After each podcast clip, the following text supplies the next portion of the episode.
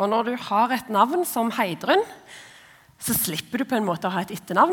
Eh, så det kan vi jo takke foreldrene mine for. Her er det branding, markedsføring. Enten så vet du hvem jeg er, eller så har du aldri hørt om det. Og så For å gjøre det enda mer spesielt, da, så er jeg jo fra Indre Ryfylke. Jeg er født og oppvokst på ei stor, men liten, altså veldig få mennesker, eh, øy som heter Ombo. Som ligger i Stavanger kommune. Eh, og når vi skulle ha sammenslåing av kommuner, så var faren min ganske irritert på dette her med liksom identiteten vår som øybuere og alt dette her. Så sier han det er der han er fra Karmøy. da. Det er der hvor vi kommer ifra. Kommer helt an på hvem som spør det. Så når jeg sier at jeg heter Heidrun og er fra Ombo, så ringer det veldig få bjeller på Østlandet. Så jeg pleier liksom bare å si at jeg heter Heidrun og jeg er fra Stavanger. Så litt, Jeg syns det var litt godt sagt, egentlig. Eh, vi kan reise oss, og så skal vi lese søndagens tekst i lag, som står i Mattes 24, vers 35-44. Vi leser i Jesu navn. Himmel og jord skal forgå, men mine ord skal aldri forgå. Men den dagen og timen kjenner ingen, ikke englene i himmelen og heller ikke Sønnen, bare Faderen. Som i Noas dager, slik skal det være når menneskesønnen kommer. For i tiden før storflommen spiste og drakk de, giftet seg og giftet bort, helt til den dagen Noah gikk inn i arken. Og de skjønte ingenting før flommen kom og tok dem alle. Slik skal det være når menneskesønnen kommer. Da skal to menn være ute på markene. Én blir tatt med, én blir igjen. To kvinner skal male sammen på kvernen. Én blir tatt med, én blir igjen. Så våg da, for dere vet ikke hvilken dag deres Herre kommer. Men det skal dere vite. Dersom husherren visste når på natten tyven kommer, ville han våke og ikke la han bryte seg inn i huset. Derfor må også dere være forberedt. For menneskesønnen kommer i den timen dere ikke venter det. Vi kan sette oss igjen. Bare be litt kort før vi går videre. Takk, Jesus, for at vi kan få hvile i dine løfter. Takk, Jesus, for fellesskapet vi har i ditt navn. Du har lova at det er to eller tre samla i ditt navn. Der er du midt iblant oss. Og du er her nå, Jesus. Vil jeg be om at du veileder hjertene våre og retter blikket vårt opp mot deg. Og at du, Jesus, får si noen gode ord gjennom preika i dag. I ditt gode navn. Amen. Jeg har arbeida en del i hodet og hjertet med denne teksten eh, og denne talen. Egentlig helt i starten av høsten. Og Det er ikke fordi at jeg skal høre sånn ekstra from ut, eller noe sånt. Eh, men eh, snarere tvert imot. så var det når jeg ble spurt om å preike, så ja, den datoen kan passe. Og så gikk jeg løs på, inne på bibel.no og fant søndagens tekst og leste teksten. Og så tenkte jeg litt sånn film. Eh, jeg har ikke noe imot teksten i seg sjøl. Men jeg vet jo at dette er en tekst som kan få fram ulike følelser og ulike minner hos oss. Fordi vi er ulike og har ulike referanser til disse typer Jesu gjenkomsttekster. Kanskje noen har minner av litt sånn skremselsforkynnelse rundt bortrykkelsen eh, og Jesu gjenkomst de siste tider. Eller kanskje noen av oss òg husker den sagnomsuste filmserien 'Left Behind', som raserte Jeg tror det var på slutten av 90-tallet. Jeg er egentlig sikkert for unge til å huske den, men jeg husker den, så det sier jo litt.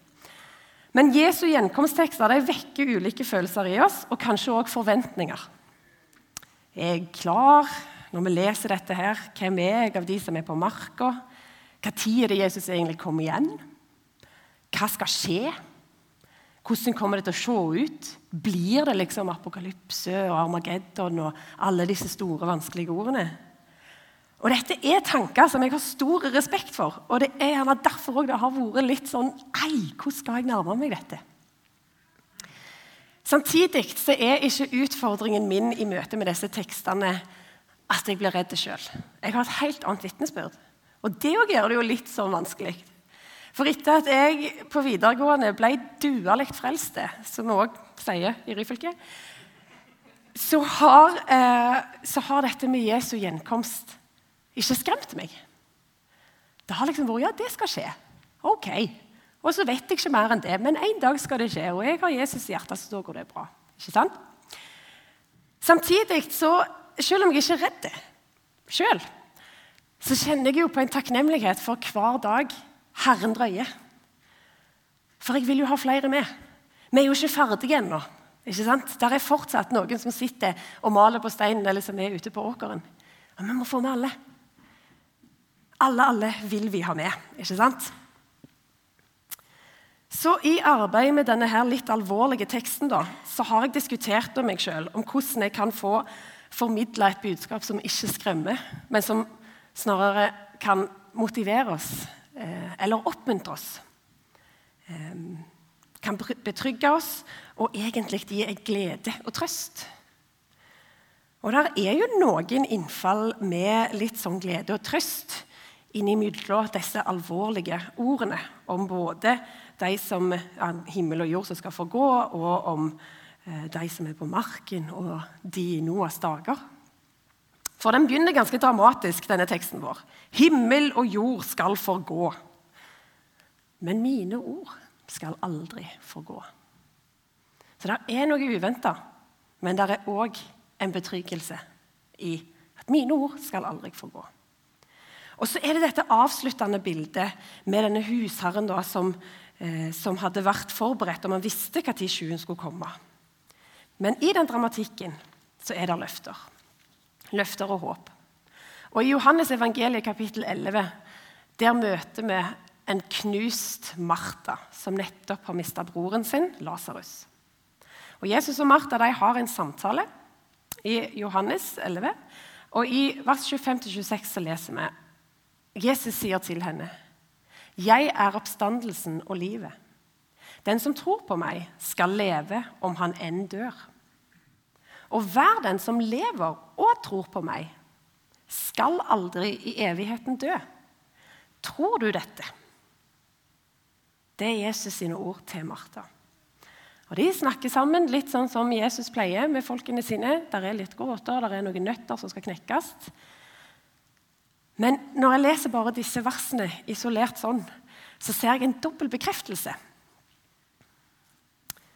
Jesus er oppstandelsen. Altså oppstandelsen fra de døde. Vi skal leve om vi enn dør. Og Jesus er livet.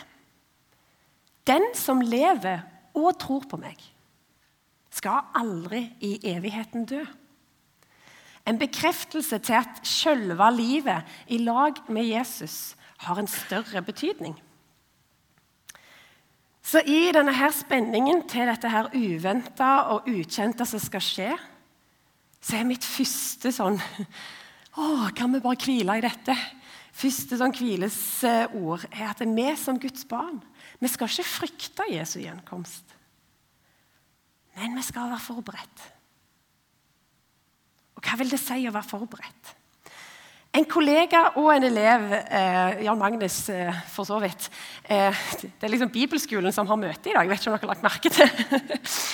En kollega der oppe på Fjellhaug og en elev hadde et fantastisk bilde på dette med å være forberedt.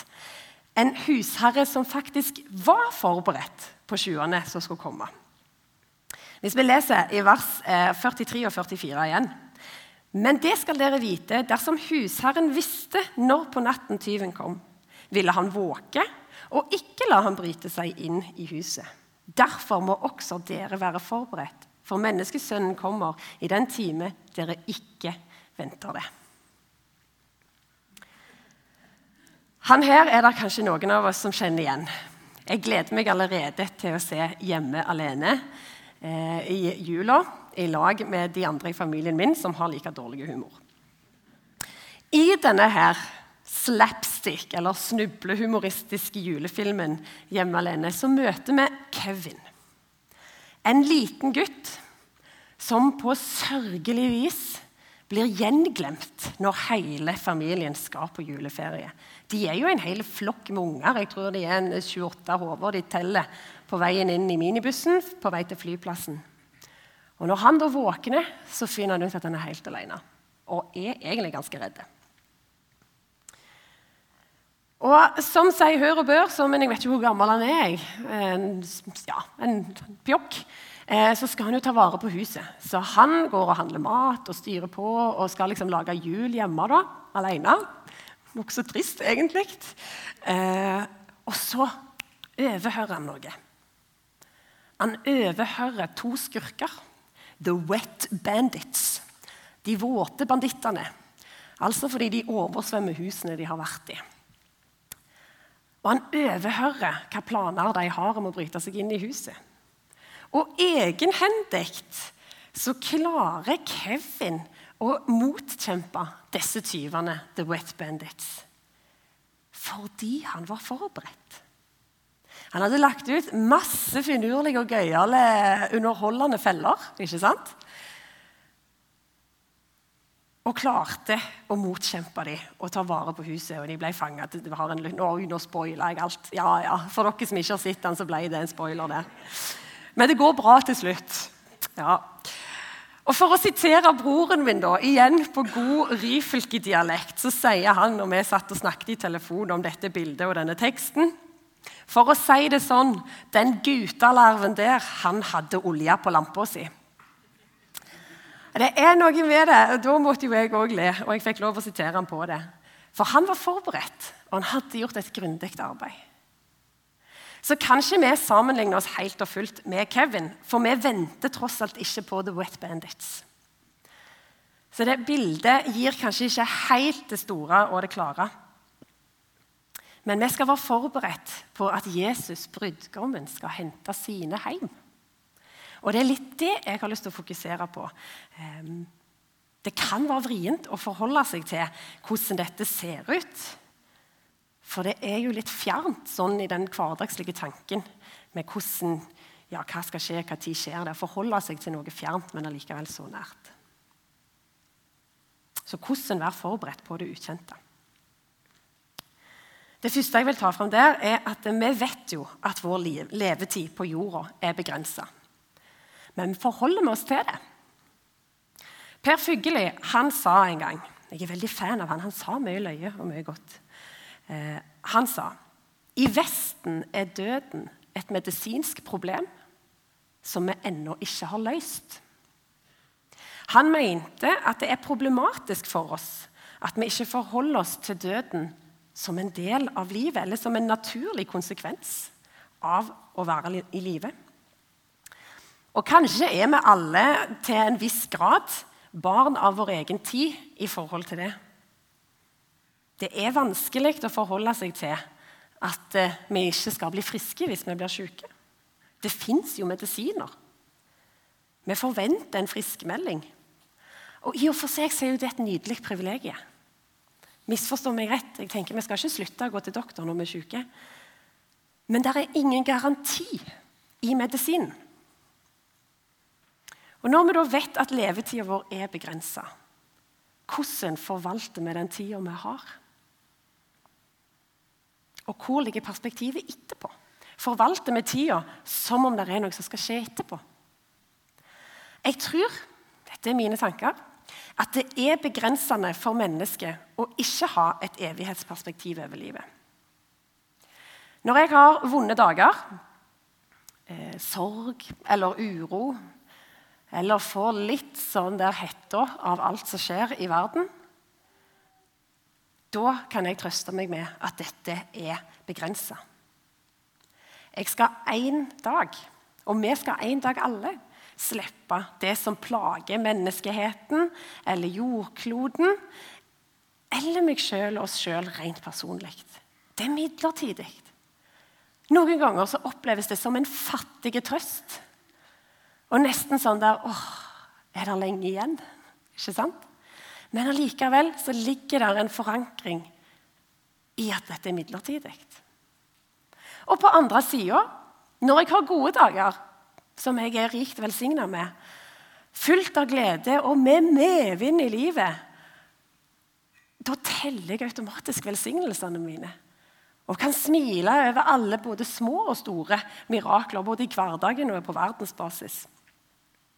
Jeg kan være takknemlig for alt det gode som jeg ser. At Gud faktisk er involvert ennå. Eller i alt slags smått og stort som angår mitt eget lille liv. Å leve med en himmel over livet hjelper oss til å være bevisste på vår hensikt, mening og til sjuende og sist konsekvens for livet. Og I forhold til dette her med å være bevisst livet, bevisst det som skjer, så refererer Jesus til Noah sin historie. I vers 37-39 så leser vi ehm, Som i Noas dager, slik skal det være når menneskesønnen kommer. For i tiden før storflommen spiste og drakk de, giftet seg og giftet bort, helt til den dagen Noah gikk inn i arken. Og de skjønte ingenting før flommen kom og tok dem alle. Slik skal det være når menneskesønnen kommer. Det var ikke problemet. Problemet var ikke det at de spiste og drakk og gifta og gifta bort. Det er en del av livsløpet. Vi trenger det. Vi trenger mat. Eh, problemet var at de ikke skjønte noen ting når flommen kom. De var ikke forberedt. De hadde kanskje ikke hørt etter. Ja, kanskje, kanskje, det vet vi vel for så vidt. De hørte ikke etter. De trodde ikke på denne Noah som sto midt på Tora land og bygde denne svære båten. Og det gir kanskje mening. Hadde jeg trodd på Noah hvis han hadde begynt å bygge en båt midt inne i Gudbrandsdalen en eller annen plass, jeg hadde tenkt at det rimer liksom ikke helt. Men de var ikke forberedt, og de levde bekymringsløse dager. Hakuna matata eller 'ignorance is a bliss' uten betenkning eller konsekvenser. Og når da krisen inntraff, da hadde de ikke noe håp. Da hadde de ingenting å lene seg på eller støtte seg på. Ingen frelse, og dommen var endelig. Og det er jo trist. Å forvalte et liv med et evighetsperspektiv det gir oss òg håp. Det gir oss en forankring i Kristus. På samme måte som Noah trodde Gud og handla på Guds absurde løfter, så ble Noah og de andre i arken frelst. Altså, Er det en større mening med livet enn å bare spise og drikke og gifte og gifte bort? Der vi har noe mer å leve for. Og så er det dette her med å våke, da. Våg da, for dere vet ikke hvilken dag deres Herre kommer. Å våke, å være våken og årvåken. jeg, jeg, det er, er, jeg er en sånn en som ser en del på TV. Uh, og jeg syns det er veldig gøy med en uh, TV-serie som heter Kompani Lauritzen. Og Der har de da denne sesongen med seg en gjeng med ungdommer eh, som ikke har møtt så mange utfordringer i livet. Eh, de har litt vanskeligheter med å forholde seg til alt som ikke er komfortabelt. Eh, det gir jo mening, eh, på sett og vis. Og Så skal de øve seg, og så skal de bli en bedre utgave av seg sjøl. En av øvelsene som de da har mens de leker militæret der inne, eh, det er at de skal sitte våkne hele natta og kikke etter unormale ting inn i nattemørket. Og han gode, eh, gode, gode Dag Otto og han er kompanjongen Christian de gjør jo så mye løye de kan. De kler ut en hest som en enhjørning og går på tur med noen geiter. Og så har de av og til noen små lysglimt med lykter. Og når de sitter der, disse her trøtte sitter og sure ungdommene og skal prøve å holde seg våkne og kikke inn i nattemørket for å se noen tegn og se noen hint og skrive dem ned og dokumentere hva som skjer, så går det jo ikke. De sovner jo én etter én og ligger og snorker i snøen under jervenduken sin. De klarer ikke å holde seg våkne 24 timer. Og det er jo så lite som skjer egentlig, og det er stummende mørkt. Så våg da for dere vet ikke hvilken dag deres Herre kommer. Vi må ikke bli en gjeng med aspiranter som, som sitter i tussmørket tenker jeg, og liksom kikker etter alle typer tegn og unormale ting. For det tror jeg òg at vi kan bli fryktelig trøtte og slitne av. Kanskje òg litt paranoide. Når vi plutselig ser liksom Nei, ser jeg en enhjørning nå? Altså Det pleier vi ikke å se, ikke sant? Og, og litt da, altså For å dra parallellen lenger inn til Jesu gjenkomst så kan det der å konspirere rundt eller å prøve å liksom regne seg ut til hva tid det skal skje, og hvordan det skal skje, det tror jeg skader oss mer enn det velsigner oss. Det gir oss flere bekymringer og flere sorger. Så det er ikke det Jesus mener, tror jeg, plent, med når han sier at vi skal våke, for vi vet ikke når Herren kommer. Og Historisk så har det jo vært et menneskelig behov å prøve å regne seg fram til, eller finne sannsynligheten for når Jesus kommer igjen. Og vi bruker kriser og vanskeligheter til å prøve å regne nå kan det ikke være lenge igjen. Krig og hungersnød. Kanskje vi kjenner ekstra på en sekularisering eller en uforståelig gudsfravær i samfunnet vårt og i kulturen vår. Og vi har hatt dette behovet. Og jeg opplever òg, for å på en måte ikke svartmale alt det der Jeg forstår hvorfor vi er sånn. For jeg opplever òg at vi kristne på ulike vis finner en slags trøst i dette her med liksom, hva, hva tid kommer Jesus igjen? Um, enten en trøst eller en lengsel. Nå kan det ikke være lenge til Jesus kommer. Eller nå må vel Jesus snart komme. Hvor lenge skal vi se på den elendigheten? Men hvis vi tar et lite tilbakeblikk og ser på bare vår nærmeste historie Hvor tålmodige Gud er med oss. Menneskeheten, altså. Og hvordan det på merkelig vis enten har gått godt eller gått over så kan vi kanskje også forstå at det er ikke nødvendigvis sånn at vi skal konspirere oss fram til å se når Jesus skal komme igjen. Men vi skal være opptatt med å leve våre liv for Jesus. Og som den litt forsiktige, men dog kroniske optimisten som jeg er, så finner jeg en trøst i å ikke vite. For da kan jeg heller våke eller være våken med en tillit og en tro til Guds timing. Og hvile i at jeg som menneske jeg skal være opptatt med å arbeide med det som Gud har kalt meg til. I Matteus 24, vers 45-46, det er da altså versene rett etter vår tekst, så kommer Jesus med en deilig saligprisning. Hvem er da den tro og kloke tjeneren som Herren har satt over de andre tjenerne for å gi dem mat i rette tid? Lykkelig er den tjener som Herren finner i arbeid med dette når han kommer tilbake. Vi skal være våkne, og vi skal være klar mens vi lever våre liv og er opptatt med det vi er kalt til i lag med Jesus. Vi er ikke kalt til å bruke Jesu gjenkomst eh, som skylapper på alt som skjer ellers i livet. Vi skal ikke være så fokuserte på når Jesus kommer igjen, at vi glemmer våre naboer, vår neste. Det å ikke vite når Jesus kommer igjen, gir oss en anledning tenker jeg, til å fokusere på kallet. Til å fokusere på å bli bevart i trua sjøl, og til å arbeide med denne nesten. På åkeren eller på mølla. Sånn, ja, I forhold til tekster, Det er vel ikke så mange som sitter på møllene nå lenger. Litt den tanken som jeg er oppvokst med eh, hjemme, er eh, hva er meninga med at du bor der du bor? Det var foreldrene mine veldig opptatt av når de skulle bosette seg på Ombo. Eh, som regel er det sånn at når karmøybuer eh, skal bosette seg, så er det veldig vanlig at det skjer på Karmøy. Eh, og det er trivelig, for det er en fin plass å bo. og alt det der greiene der. Men det hadde ikke foreldrene mine tenkt. For far min han skulle bli bonde, og de hadde ikke odelsrett. Og da ble det Ryfylke. Hva er meninga med at vi bor der vi bor?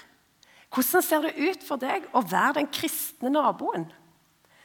Hvordan ser det ut å være Guds barn som arbeider Guds, på Guds rike akkurat der du er i livet, og akkurat der du lever?